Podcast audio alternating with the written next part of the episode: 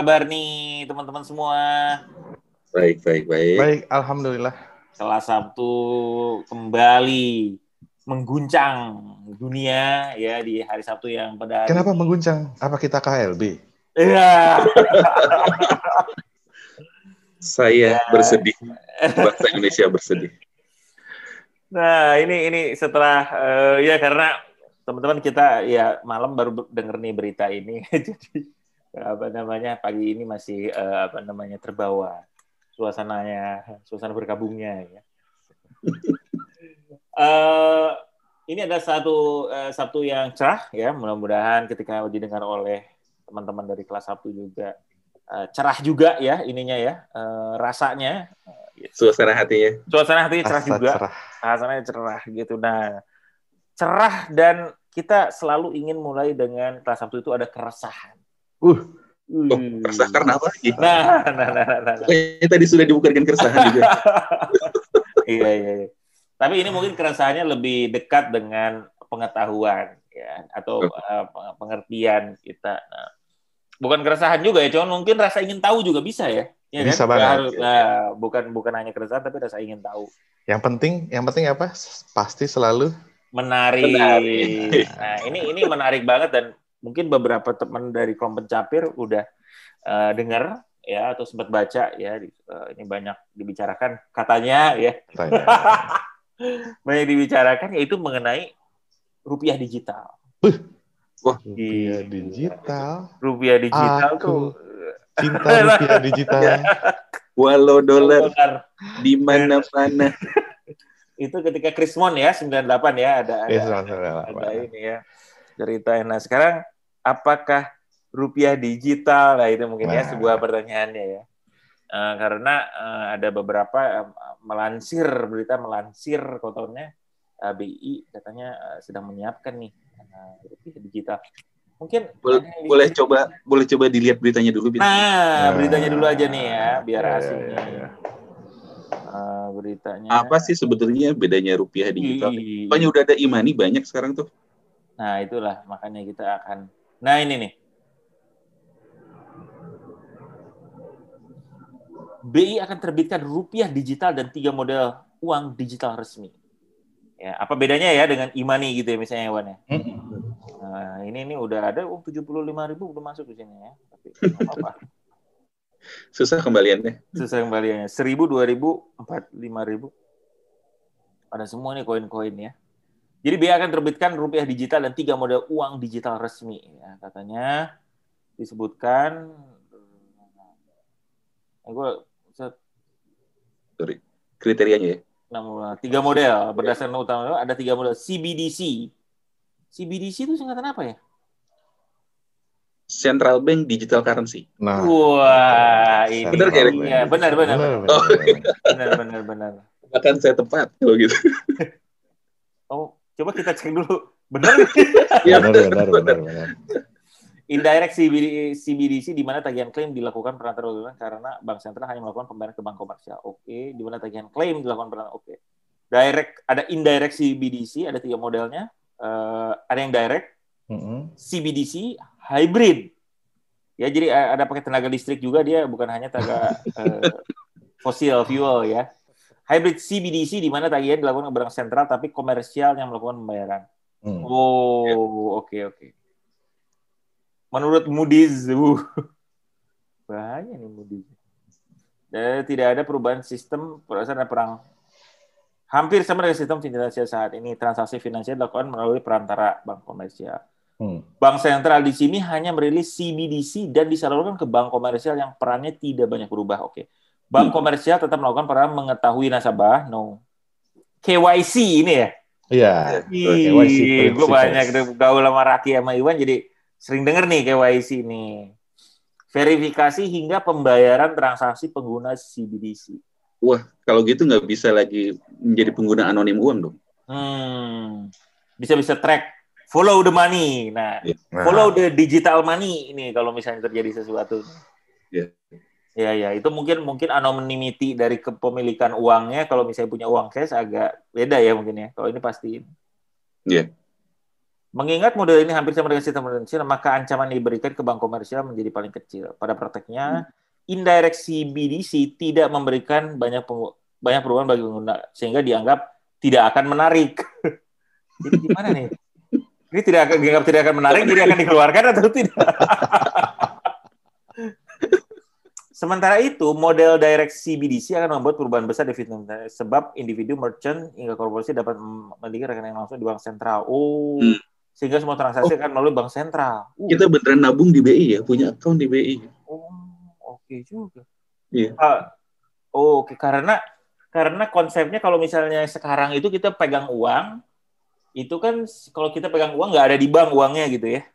Mm-mm. itu kan berarti di kita aja gitu ya nggak ada nggak tercatat tercatat di bank nggak di apa itu mungkin konsepnya sama dengan ini kali ya kita punya uang aja kita pegang uang misalnya kita pegang uang sejuta gitu itu Hmm. sama dengan nanti kalau kita memiliki rekening uang digital sebanyak satu juta di BI karena kita Iya, belum iya. menabungkannya ke bank atau atau apa gitu ya Hmm. seperti memegang uang cash aja jadi mungkin kalau menurut gue nih pengertiannya mengubah peran bank Indonesia hanya menangani transaksi antar bank mengubah peran bank sentral yang hanya menangani transaksi antar bank komersial. Bank sentral akan bertanggung jawab memproses hingga memvalidasi transaksi dengan volume jauh lebih besar. Hmm. Oke, sehingga dapat menerapkan direct CBDC. Bank sentral perlu menggunakan teknologi seperti centralized ledger. Uh, oke, atau distributed ledger technology, DLT. Blockchain. Buku yang sangat besar ini beneran nih. Hmm. Blockchain. Literally buku yang sangat besar. Buku Yoi. berapa? Maksudnya gimana Ki? Eh, blockchain ini kalau misalnya bentuknya seperti gini. Ya intinya kan sebenarnya kalau begini ini yang tadi ya peran intermediarisnya bank yang jadinya tidak perlu lagi ya mungkin ya kalau gua nggak salah paham. Artinya Bank Indonesia akan mencatat bahwa kalau kita bicara centralized kan Hmm. siapa siapa yang megang uang berapa. Iya. Gitu. Kalau dis- distributed artinya ya semua orang tahu semua orang punya uang berapa gitu. Hmm. Kira-kira gitu ya eh, konsepnya gitu. Ini menarik banget nih. Oh, kalau jadi- bisa dilakukan. Jadi dengan konsep seperti gini orang akan open. Maksudnya kita bisa. Iya. Jadi gue bisa kalau lu punya uang digital berapa, gue bisa tahu juga gitu. Atau enggak kayak gitu atau bentuknya. Kira-kira begitu ya, Wan. ya? Kalau kita bicara distributed ledger kan harusnya informasi ada di semua pihak ya. Di semua pihak saling bisa memvalidasi, memverifikasi. Cuman eh, apakah semua orang itu bisa tahu masing-masing Mungkin untuk- balance? Untuk Gua pihak yang bertransaksi mungkin. Iya, iya, iya. Oh, Misalnya iya, gue sama Iwan gitu ya, Wan gue mau beli dong ini apa eh, HP dari lu gitu ya. Dia Hmm. bisa mel- melakukan transaksi tersebut. Gue tahu juga lah gitu misalnya. Tapi kayak saldo gitu tahu ya? Bukan Harus itu juga. informasinya atau tahu? Tapi kalau pemahaman gue centralized ledger atau distributed ledger itu lebih ke processing si apa si pencatatannya itu sih. Hmm, Kalau hmm. centralized ledger dalam hal ini berarti kan si central bank benar-benar memproses semua transaksi yang apa dilakukan oleh semua orang. Ya. Jadi misalkan satu Hmm. Indonesia dia bertransaksi pakai rupiah digital, semua transaksi uh, jual jual beli ataupun transfer segala macam itu bakal dicatat. Nah, Ya. kalau distributed ledger mungkin bakal ada beberapa central of processing, misalkan ini disebar ke masing-masing bank gitu ya. Mhm. Jadi Oh. instead of Bank Indonesia yang uh, mau ngelola sendiri, Mhm. di mana ya masing tapi antara antar bank itu akan saling memvalidasi dan memverifikasi masing-masing transaksi tersebut. Ya, Jadi ya, in the ya. sih sebetulnya semuanya bakalan tersinkronis. Ya, ya, ya, ya. Hmm. Betul, betul, betul. Artinya betul, untuk customer seperti apa namanya untuk nasabah apa bedanya jadi? Transit sih nggak masalah sih. Eh, apa transparan aja sih. Kita nggak tahu itu misalkan apakah diproses centralized ataupun distributed. Yang penting kan kita sebetulnya adalah Oh. bisa bertransaksi aja. Jadi Ya, untuk ya, ya, untuk ya. nasabah sih nggak terlalu banyak beda ya dia nggak ada Ya. nggak ada bakso jadi gue bisa lihat saldo lu atau apa bukan seperti kayak gitu ininya lebih Ya. ke transaksi Kenapa butuh kayak eh, centralized ledger ataupun distributed ledger? Sebetulnya kan itu untuk memvalidasi atau memverifikasi. Ada nggak duitnya gitu? punya duit, ya satu juta satu rupiah gitu ya. Hmm. Kalau Hmm. misalkan distributed ledger, kesulitannya adalah eh, semua central processing itu mesti tahu nih bahwa Ebin betulan punya satu juta Iya. rupiah gitu, iya iya sehingga akhirnya bisa ditransaksikan dari siapa ke siapa. nah si informasi bahwa gue punya duit satu juta satu rupiahnya itu ada di bank komersial berarti BI punya Bank komersial, Bank komersial bisa punya. punya. Betul. Iya. Kalau jadi eh. sebagai central processing yang tadi Iwan bilang ya. Ya, Hmm. ya. Oke oke oke oke oke. Jadi jadi bukan ini apa nih opennya to everyone ya, tapi o- o- o- o- open to eh, ya mungkin seperti bank komersial gitu untuk bisa ngecek bahwa gue punya duitnya seperti Hmm. kayak gimana gitu ya. Ya, Hmm, ya. hmm. Ya. Oh, Oke oke oke. Bank sentral juga akan mengambil alih peran KYC. Aduh, seneng deh gue Ya. bisa ngobrol gini. Know your customer untuk mencegah dan memberantas pencucian uang. Wah, karena bisa di track ya duitnya ya. Iya. Tapi ngomong-ngomong soal KYC, Hmm. benerin dulu data kependudukan. Mau ngevaksin aja susah. garbage in, garbage out ya. oh, Iya kan kalau lo paksakan dengan kondisi sekarang data kependudukan nggak rapi berarti akan banyak fraudster juga di dalam sistem gitu kan Hmm. itu yang ngeri Iya, sih. Oh, oke. Untuk mencegah dan Hmm. memberantas pencucian uang dan sebelumnya sebelumnya dilakukan oleh bank komersial. Oke, oke, oke. Menarik ya ini ya. Mm-mm. Eh, PR-nya jadi data kependudukan dirapikan dulu ya. rapikan Men- Tapi, menurut Moody's, model direct CBDC akan menguntungkan bagi individu maupun pelaku usaha sebab akan mengurangi mengurangi resiko maupun biaya transaksi. Hmm. Tapi di sisi lain, jika jumlah saldo bisa ditempatkan di bank sentral tidak terbatas, maka bank komersial akan menghadapi resiko kekurangan likuiditas up akibat menurunnya dana pihak Oh, iya. ketiga. iya bener iya, banget benar, benar. Oke, ini mengarah-mengarah kalau lama-lama orang nggak butuh bank ya kayaknya ya sama nih. Kita kan emang nggak butuh bank. Kita tuh butuhnya bertransaksi. iya iya iya Oh. makanya itu dia Hmm. dan dikatakan oleh seorang pimpinan bank digital luar biasa banget nggak sih Suatu keniscayaan. Keniscayaan. Iya, iya, iya. By the way, gue mau nanya nih, mengurangi resiko ini apa maksudnya? Karena open tadi, jadi maksudnya udah clear orang tuh punya siapa-siapa, atau misalnya resikonya dari sisi transaksi? Mungkin ini kalau di compare sama uang itu kali ya. Apa? Uang kertas. Uang fisik Hmm, Uang fisik.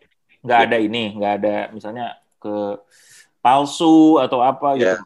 Terus mungkin satu lagi, kalau misalkan uh, biaya transaksi, Hmm. ya misalkan kalau buat uh, produksi uang kertas itu kan Oh betul pasti betul. ada ada Betul. biaya untuk uh, apa namanya itu Hmm. uh, printing Hmm. dan sirkulasi lah kayak gitu. Hmm. Nah, Nah, kayak kayaknya Wan kalau pakai uang elektronik juga dengan kalau model begini berarti kan biaya transaksi bisa lebih murah ya Wan ya? betul antar jadi satu kalau sekarang kan misalkan mau transfer antara OVO ke mana tuh ke Dana GoPay. atau Oh, ke ya. GoPay pasti kan itu lewat transfer bank dulu tuh. Iya. Nah ini bisa dipotong langsung sih. Hmm. Jadi emang bisa jadi lebih efisien.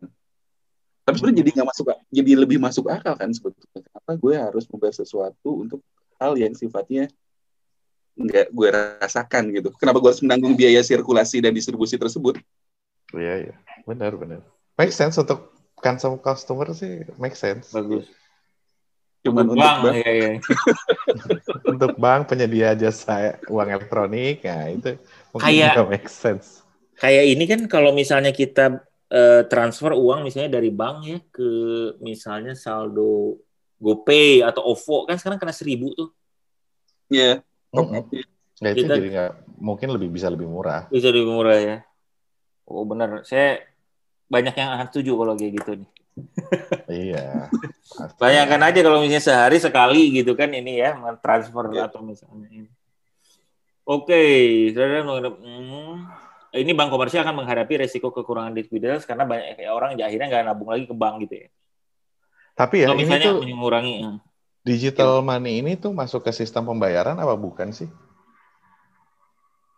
maksudnya gimana gitu?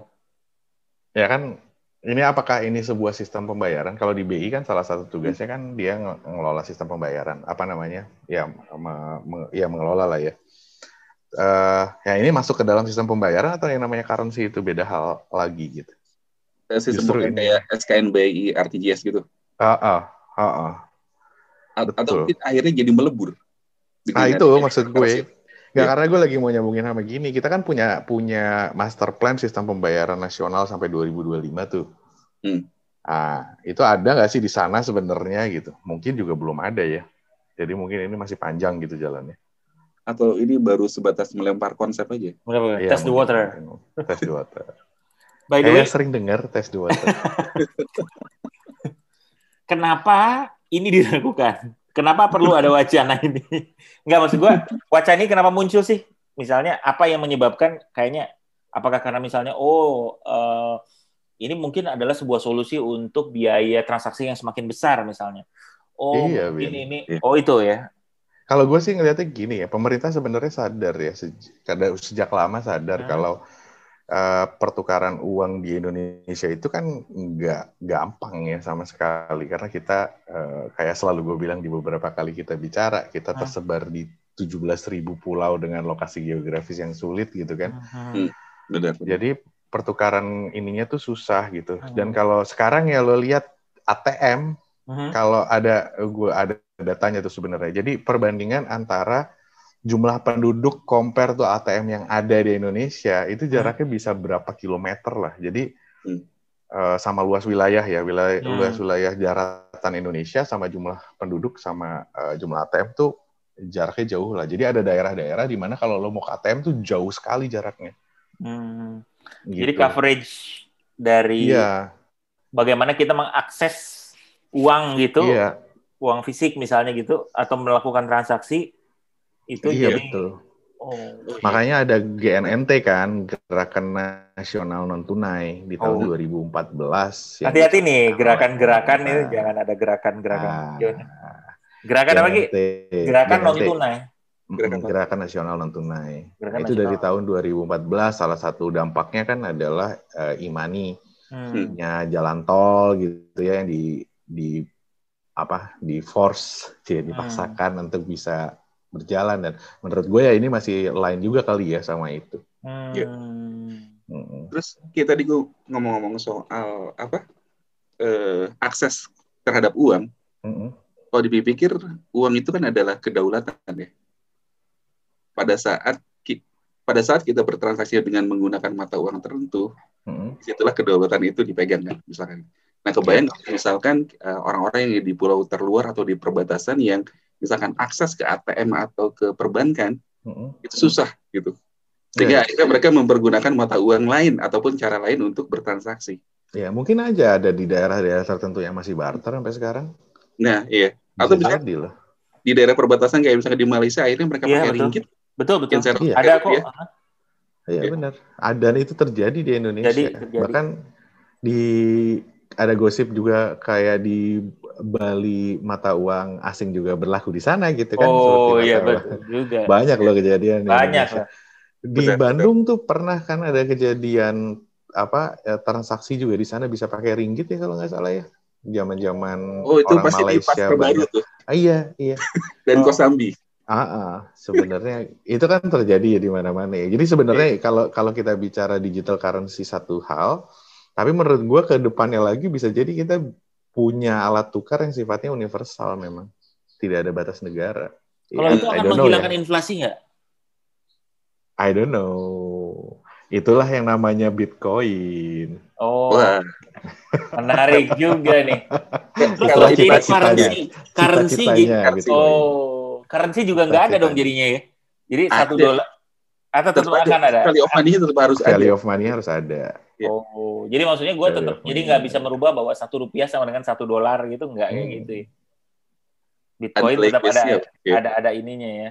Kita perlu satu satu topik khusus ngebahas masalah Bitcoin menurut gua. Kayaknya itu Oh, Wah, Karena setuju, cukup- setuju, setuju, cukup setuju. menarik. Dan kalau ini ya, gue rasa ya bicara si digital currency, gue rasa sih kita harus undang salah satu teman kita yang di Bank of Indonesia.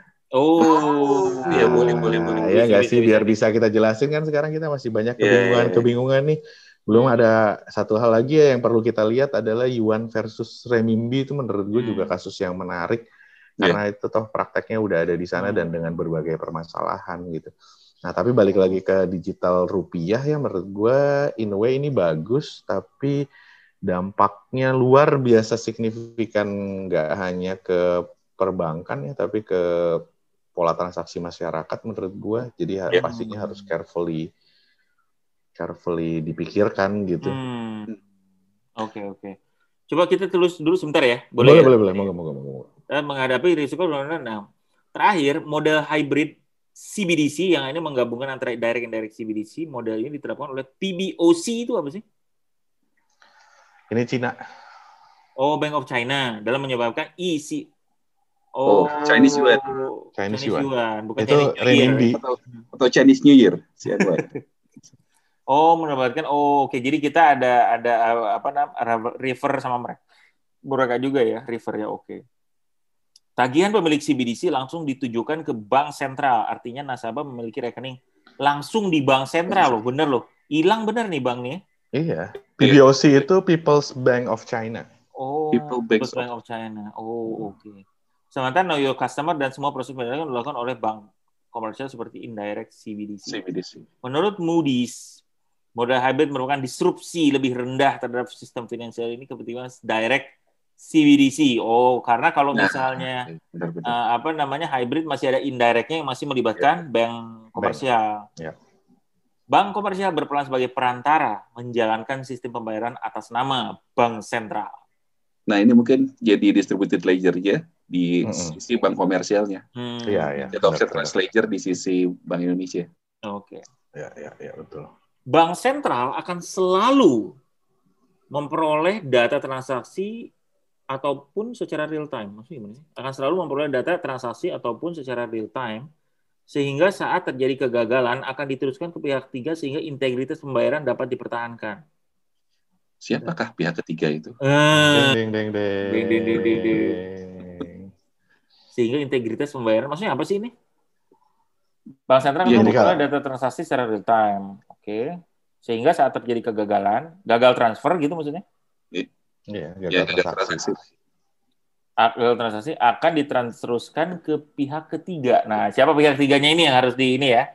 Kita Ini verifikasi namanya ya. integrator. Oh.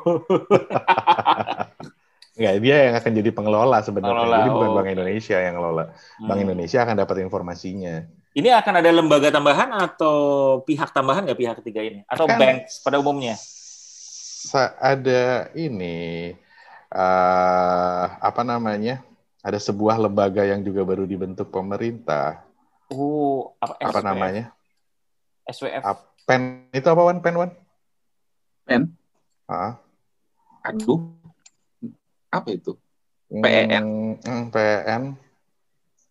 Apa tuh, Ki? Pulpen? Pineapple, bentar, bentar, bentar, bentar. Pineapple. Gue coba. Gue coba. Apple Pen. Pineapple Pen.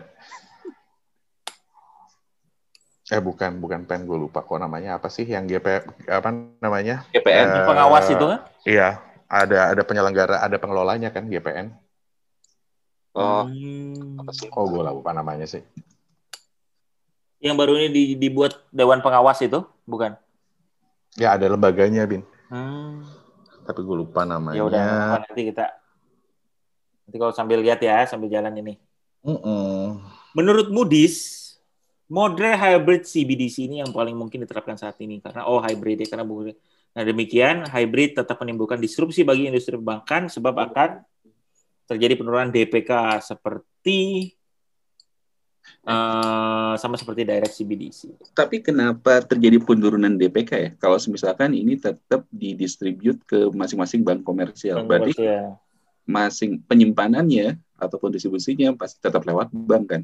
Iya tapi kan lo nggak bisa kenain biaya bunga bank Wan. Oh iya. Iya kan, kan nggak ada ongkos penyimpanan di situ. Eh, Iya kan. Kayaknya itu masalahnya dengan DPK sih menurut gue. Ya, ya. Jadi lo akan punya catatan beda tuh antara uang elektronik dan non elektronik. Hmm, menarik sekali nih. Menarik, menarik, menarik, Iya. menarik, menarik. Ini Jadi uang uang- memang uangnya basically nggak bisa lo pakai, Iya. Wan.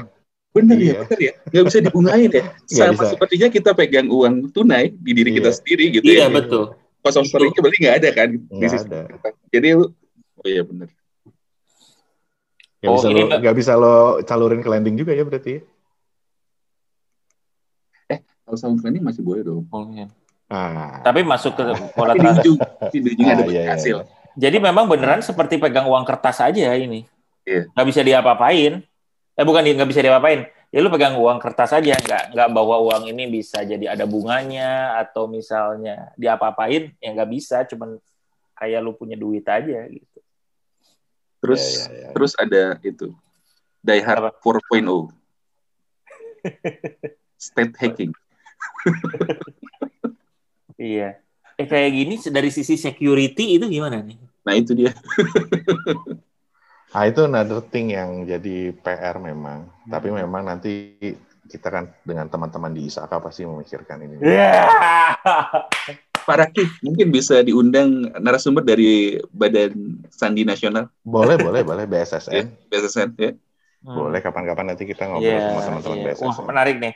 Mungkin kita bisa coba juga untuk memba- apa mengundang beberapa rekan kita ya. Tadi kan Raki bang- mungkin teman kita dari Bank Indonesia, bisa juga Badan Sandi Nasional untuk semakin memperkaya Mm-mm. eh, apa namanya diskusi dan insight Iya. dari topik-topik yang menarik yang kita sajikan.